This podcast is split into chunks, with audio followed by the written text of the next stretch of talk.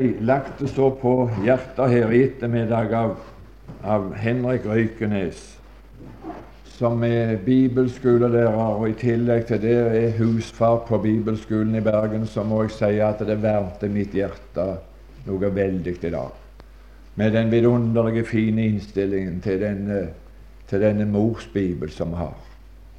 Det som er det forskrekkelige å se i øynene det er, som salmisten sier, når grunnvollene nedbrytes, hva makter da den rettferdige?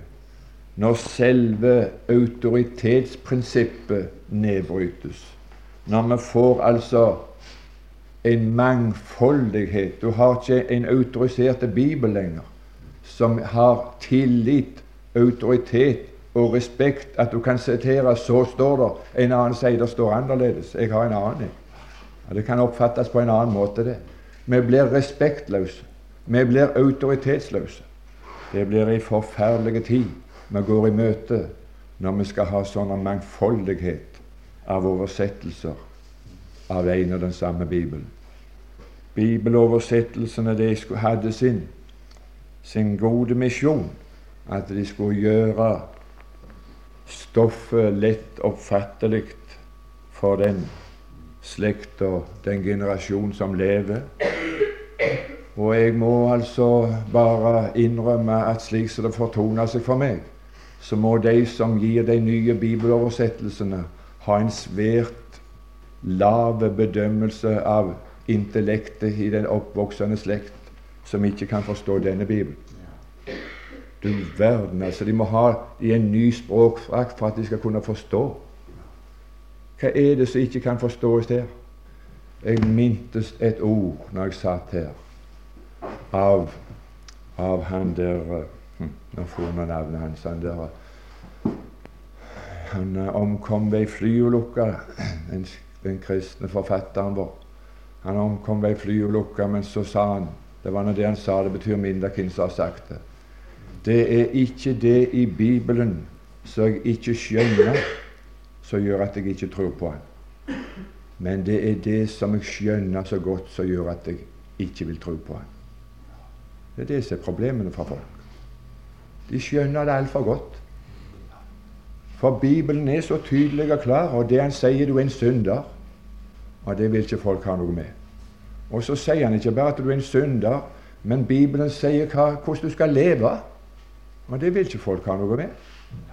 Og så, er det ikke det de ikke skjønner, men det de, de, det er det de forstår så godt, og så forkaster de det. La oss få de en ny språkdrakt.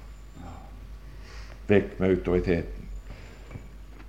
Nei, altså, det var en velsignelse å høre at på bibelskolen så vil de bare ha én bibeloversettelse i bruk. Altså andre oversettelser kan være hjelpekilder. Altså, Jeg har òg andre bibeloversettelser som hjelpekilde, men altså, jeg siterer bare denne.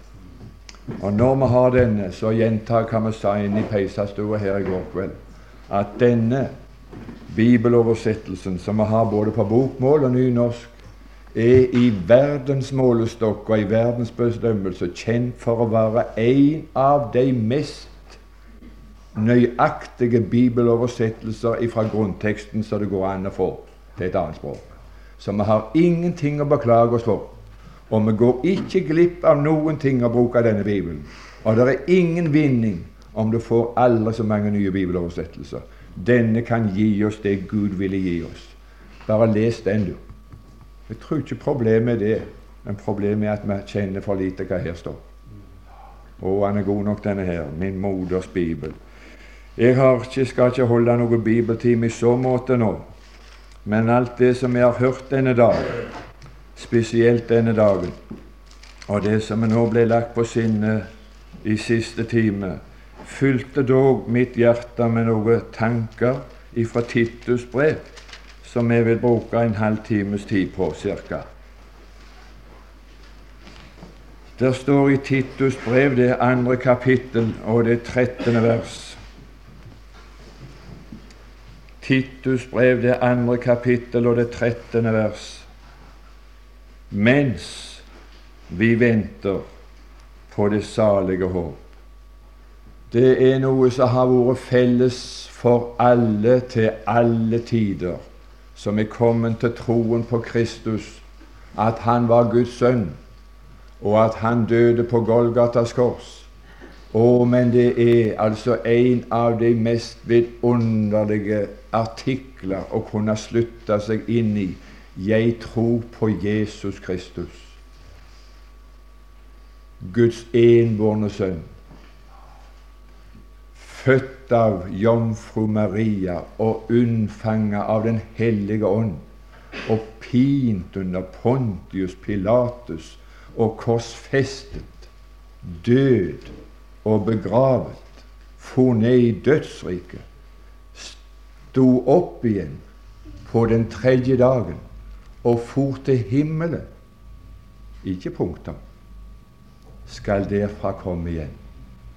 Det har vært den, de evangeliske kristnes troesbekjennelse ned gjennom alle tider, så langt tilbake vi kan tenke oss. Han skal derfra komme igjen. Han skal derfra komme igjen. Og det har de troende venta på. Vi gjør det i vår generasjon. De andre gjorde det i forrige generasjon Nede gjennom alle tider, i alle slekter. Men det jeg er redd for, som begynner å, å vakle i vår generasjon, som ikke var så vaklende i forrige generasjon, det er hva de er opptatt med mens de venter. Det er ikke bare at vi venter, men mens vi venter. Hva er vi opptatt av mens vi venter på den Herre Jesus, at Han skal komme igjen? Et lite bilde. Altså På Karmøy jeg, jeg vet ikke, jeg, jeg, er ikke så godt kjent i Sogn, men jeg er iallfall overbevist om at det er ikke så alminnelig i Sogn iallfall som det er på Karmøy. På Karmøy er det en kolossalt masse med, med menner som farer til Amerika. Og så fami er familien igjen hjemme. Det er altså det mest vanvittige så, etter mitt begrep som foregår. Og, og det, det, det, burde ikke være slik. altså det, burde, Mannen burde ha Men det er ikke alle som får lov å være hjemme med sin familie. Men altså det er slik der borte at mannen han reiser til Amerika, og så er familien igjen i Norge. Og så kommer mannen hjem igjen. altså Hvis alt går noe godt, så kommer han hjem på regelmessige besøk. Men du verden hvor mange som aldri kommer igjen. Så glemte både kona båten. Fordi det var så langt, det var så stort Atlanterhav imellom. Men så er det noe som vi registrerer i vårt naboskap, som jeg har registrert. Uten at jeg vet mer, så kan jeg se på naboen der, der, der mannen er i Amerika så kan vi se det. Nå, nå venter de han igjen. Ikke hørt et ord. Jeg kan se det. Hva kan du se det på? Jo, de får det travelt med forberedelser. For når, når han har vært så skrekkelig lenge vekke, så, så, så, så legger de til rettes, forbereder den dagen så han skal komme hjem. Og jeg skal fortelle deg om at det er én ting som vil vise det. Det er mer enn hva vi sier. Det er noe som vil vise det om jeg og du venter den Herre Jesus ifra himmelen. Det viser seg på det som vi er opptatt med mens vi venter.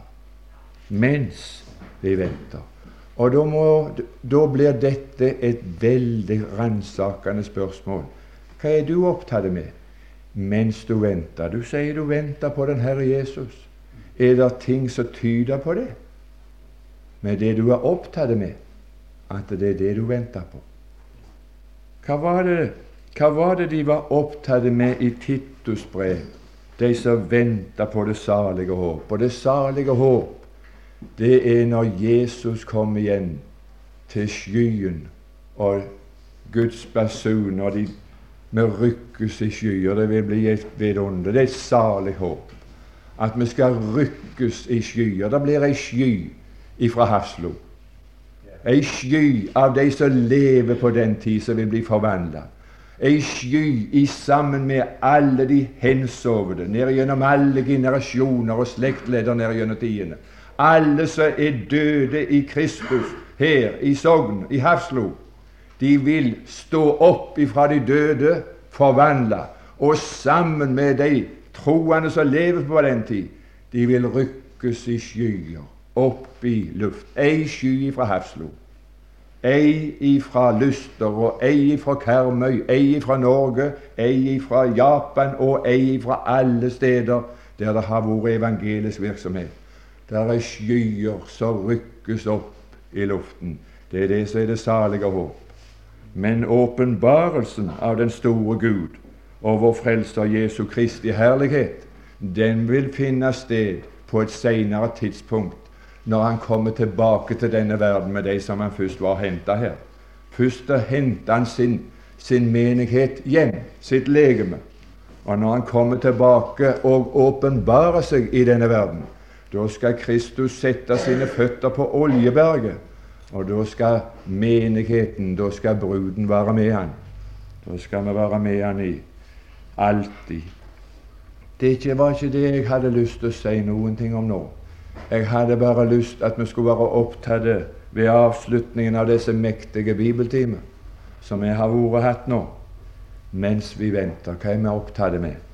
Her sto 'mens vi' så har jeg sett strek under 'mens vi venter'.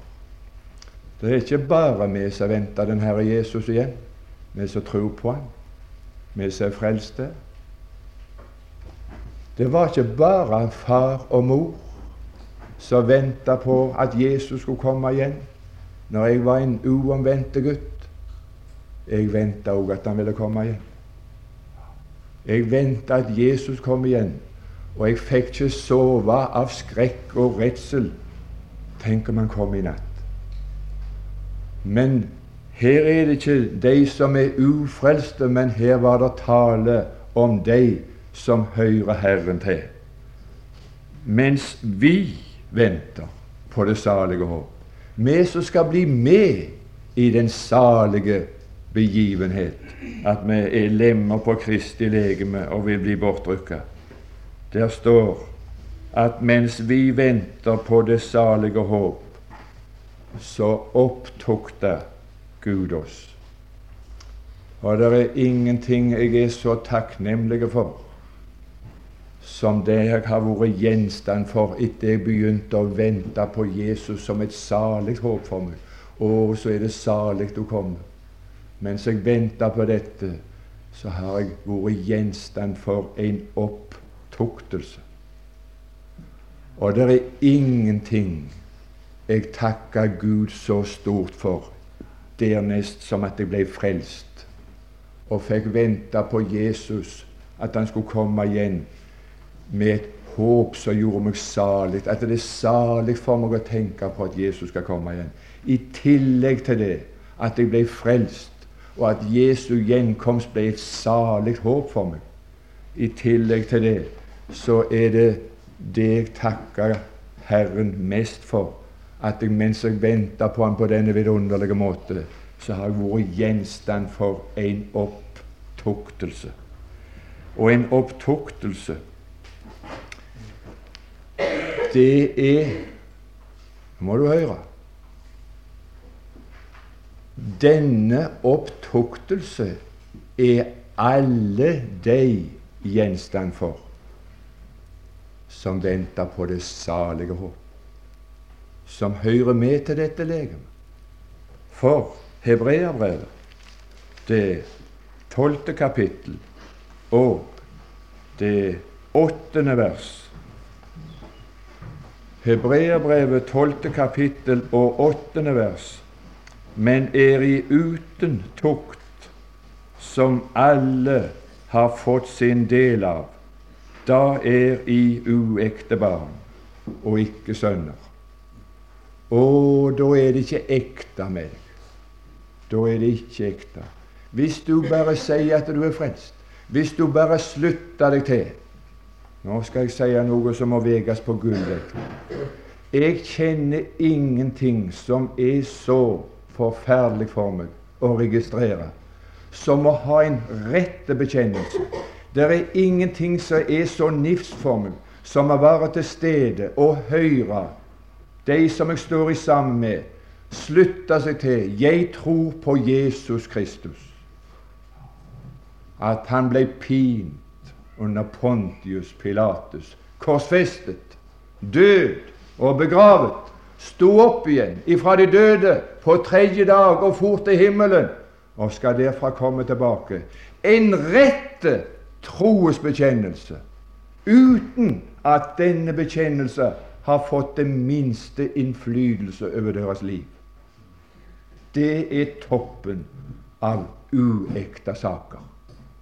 Det er ingen som er ekte i sin bekjennelse uten at denne bekjennelse får innflytelse på vårt liv. Dette er felles. Dette å komme til troen på Jesus, og at denne tro er en uskrømte tro, det er en personlig overlevering til den Herre Jesus. At du har overgitt deg til Gud, at Han har vunnet ditt hjerte. Da blir det ikke bare en munnbekjennelse, som du har i munnen. Men da vil denne bekjennelse bli en opptuktelse av ditt liv. Og uten Herrens tukt så er det uekte alltid sammen med deg. Om du har en rette bekjennelse. Alvorlig? Det er uhyggelig alvorlig. Det er så uhyggelig alvorlig i vår tid, for jeg ser så skrekkelig liten av tukten iblant alle bekjennerne. Vi har fått så mye navnkristendom som vi aldri har hatt i vårt land. Mange skal si 'Herre, Herre', men han skal si 'Jeg har aldri kjent dere'. Jeg har aldri vært far for dere. Jeg har aldri fått lov å dreve opptuktelse på dere. Er du uten far? Er du uten en far som opptukter? Og i Guds rike så er dette vårt privilegium, at mens vi venter på det salige håp, så er vi gjenstand for en opptuktelse. Denne Guds nåde som er åpenbart til frelse for alle mennesker, den opptukta oss. Ikke alle, men den opptukta oss. Og Nå skal vi lese litt om hva den tukten gikk ut på. I Hebreerbrevet 12 så står det videre der Vi leste det åttende vers. I det tiende vers For hine, våre kjødelige fedre, de tuktet oss for noen få dager etter sitt tykke, men Han tukter til vårt gagn, for at vi skal få det ikke i Kristus, for det har vi hvis han begynner å tukte oss. Han tukta ikke verden, men sine egne. Å, da er det ikke snakk om å få del i Kristus. Da er det ikke snakk om å få del i Kristi legeme.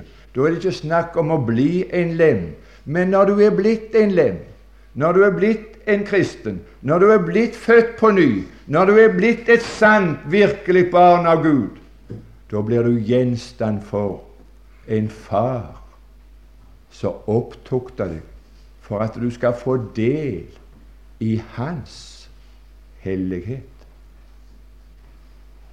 I hans hellighet.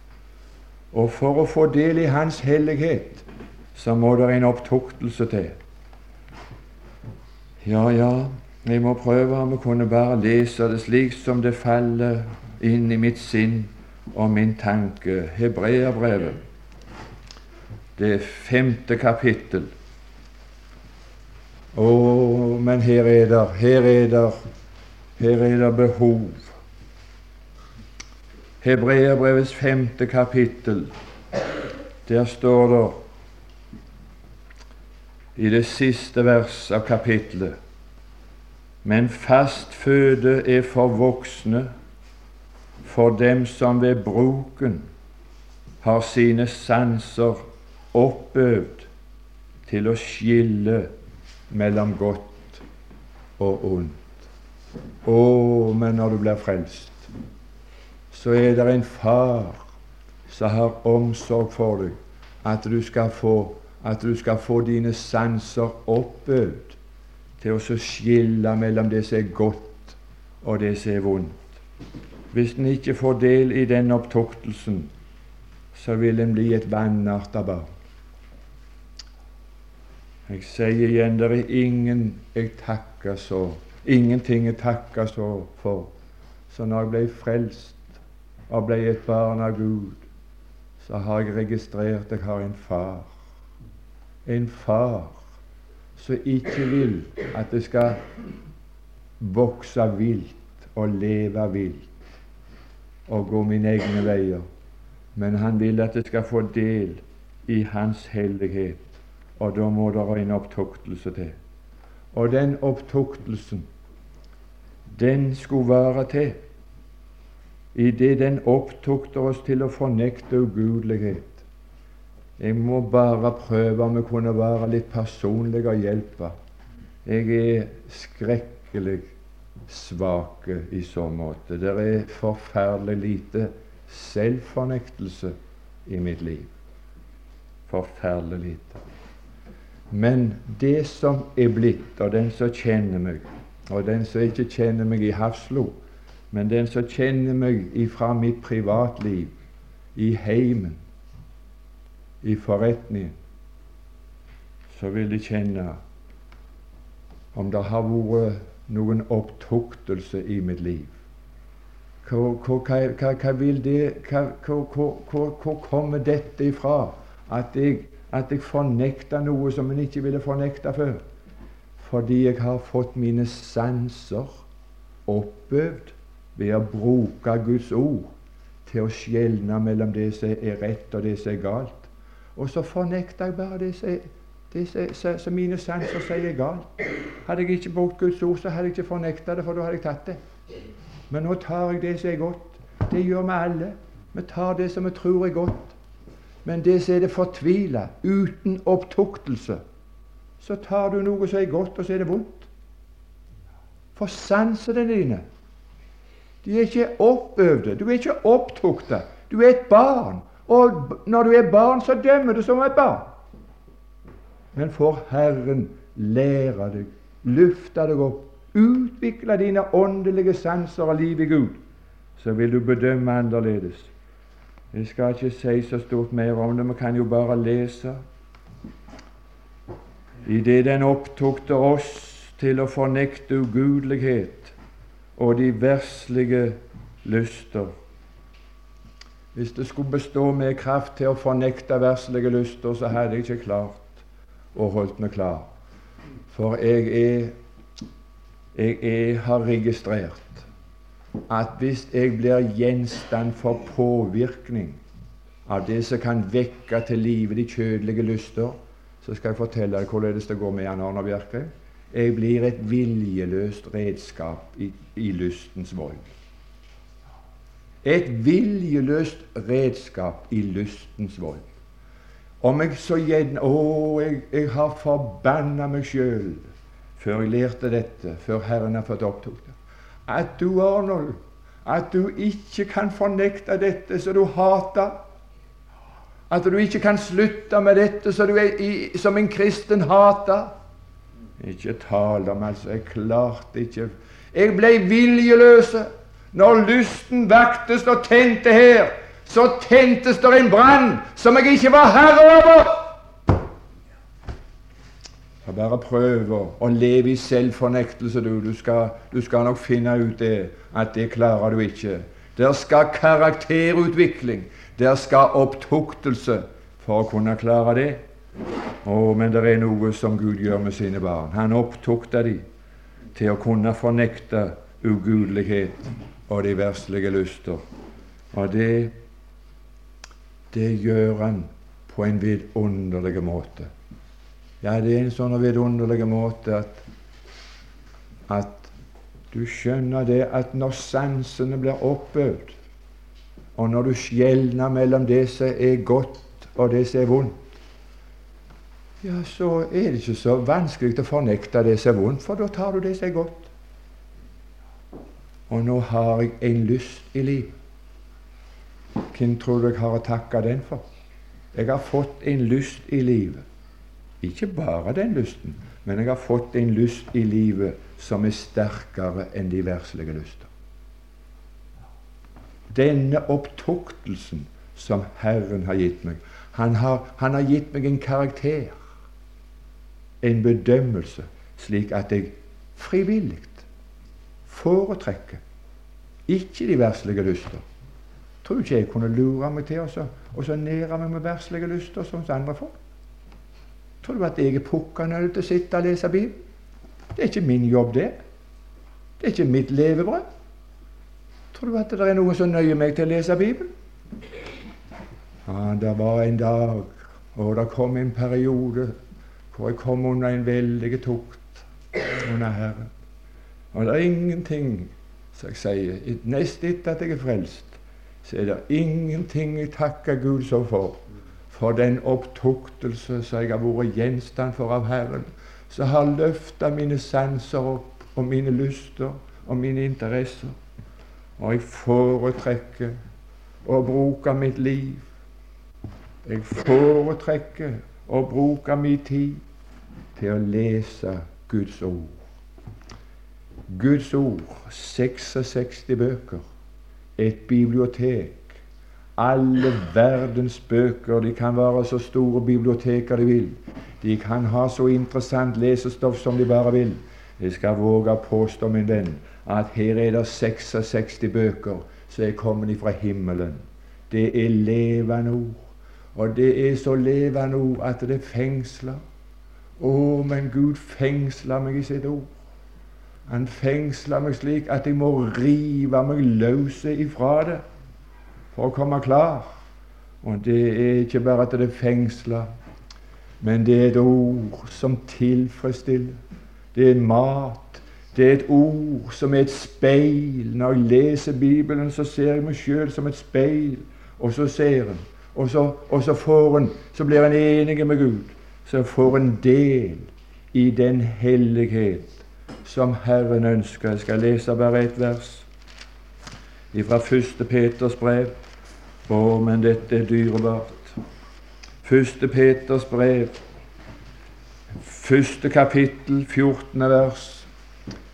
Jeg, jeg, har jeg har registrert i mitt liv, og jeg har registrert det med beklagelse, at den aller fleste aller største tyngdepunktet i kristelig virksomhet, det legges på dette å være barn. Når jeg bare er sikker på at jeg er barn, skal jeg få lov å være ditt barn i dag òg. Da, da, du, da er du ydmyk. Og, og, kan jeg bare være, og så har jeg fått rett til å være barn. Alle de som har tatt imot den, de har Gud gitt rett til å være barn. Og jeg er bare sikker på at jeg er barn, så skal jeg havne i himmelen. For meg er det ikke tilfredsstillende å være barn. Det var en vidunderlighet å bli barn og komme inn i Guds familie. Men det er noe som er vidunderligere. Det er noe som er herligere, og det er som lydige barn. Jeg vet ingenting som er så tilfredsstillende for min sjel, i mitt liv, i sammen med min himmelske Far jeg har i noe mål fått være lydig imot. Det er ikke tilfredsstillende for meg å være barn og registrere hver dag og hver kveld at mitt liv har vært i ulydighet imot Han som jeg er så glad i, Han som er så god imot meg. Her er ikke snakk om bare å være barn, men det er snakk om å være lydige barn. Og for å bli lydige barn som frivillig, ikke med sånne å, Her er noen fedre som, som forlanger kadaverdisiplin av sine barn. Det er grufullt å se en far med lynende øyne og så forlange kadaverdisiplin, slavedisiplin.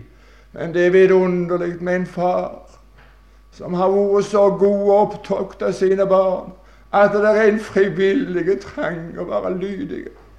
Og jeg må få lov å si at er det noe jeg ønsker i mitt hjerte, ifra min hjertes innerste rot, så er det ikke bare å være ditt barn, Gud, men å, om hun kunne få lov å leve i lydighet imot deg. Ikke på grunn av din strenghet, men på grunn av din mildhet, på grunn av din godhet, på grunn av din nåde, din nåde, Guds nåde, opptok det oss. Kjenner ingenting som er så effektivt. Jeg må bare slutte.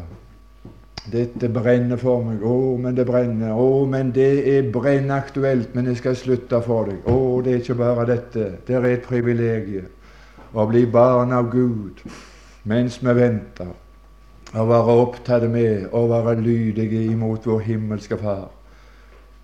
Jeg skulle ha lyst til å ha de fire-fem guttene som var her inne og som satt på, på andre rad. Nå skulle de vært der, for nå skulle de fått hørt noe som de hadde sett pris på å høre. Kan du fortelle det til dem senere, så gjør du en god gjerning. Det var en far som hadde bare en eneste gutt på det tidspunktet. Og så hadde denne faren en sånn jobb at han uh, var reisende som var vekke fra, huset og familien opp til 14 dager. Og så var det en gang at faren var ute på en sånn 14 dags tur. Så var det et så skrekkelig vidunderlig godt forhold mellom denne gutten og denne faren. Du vet, Han var på det tidspunktet enebarn. Og det var gjerne, det, men det er ikke sikkert det. Jeg tror at det kan være like sterkt forhold om det blir aldri så mange. Men her var det iallfall bare én. Og så, når faren var reiste, så, så kommer denne gutten inn på kjøkkenet til mor. 'Mamma, jeg er så glad i han pappa, og så har jeg så lyst til å vise det at jeg er glad i han når han kommer igjen. Jeg tror jeg vil lage en båt til han pappa, så jeg kan ha gi han når han kommer hjem. Ja, ja, kan ikke du gjøre det? Mor tenkte det. Det er godt han har noe å gjøre mens han mens han venter. Det er godt han har noe å gjøre mens han venter på at han far skal komme igjen. Så setter denne gutten i gang med å skulle lage en båt, og begynte på et emne. Men du vet, det ville ikke bli noe båt. Det ble ikke så vellukka som han hadde tenkt seg. Og så kastet han det emnet fra seg, og så begynte han på et nytt. Det ville ikke stå, gå stort bedre med det heller, og han kasta det fra seg. Men tida gikk. Og til slutt så hadde han ikke anledning å kaste flere emner fra seg. Han måtte gjøre det som han nå hadde i hendene. Han måtte, han måtte gjøre det beste ut av situasjonen av det han hadde. Men han var slettes ikke fornøyd med den båten han hadde lagd når det nærma seg den dagen han far skulle komme igjen. Han skulle komme igjen om natta, og gutten han la seg i seng om kvelden. Og da hadde han båten med seg i ermen, og så sovna han. 'Jeg skal ha båten her', sa han, 'så at jeg har en båt å gi han far han våkna. Og når faren kom hjem om natta, så sier mora dette til gutten, til mannen sin. 'Du må komme inn og så se et syn.' Altså Han har vært så glad i deg og vært så opptatt nå disse tider du er vekke. Han har ikke fått tid til å strekke til. Og så vil han ha en båt så han skulle vise deg og gi deg når han våkna, så skulle gi uttrykk for hvor glad han var i deg. Hvor glad han var i deg. Men så var han så bedrøvet, for det var så mislukka. Han var så lite fornøyd med resultatet, men nå hadde han ikke mer tid. Han kunne ikke gjøre det bedre.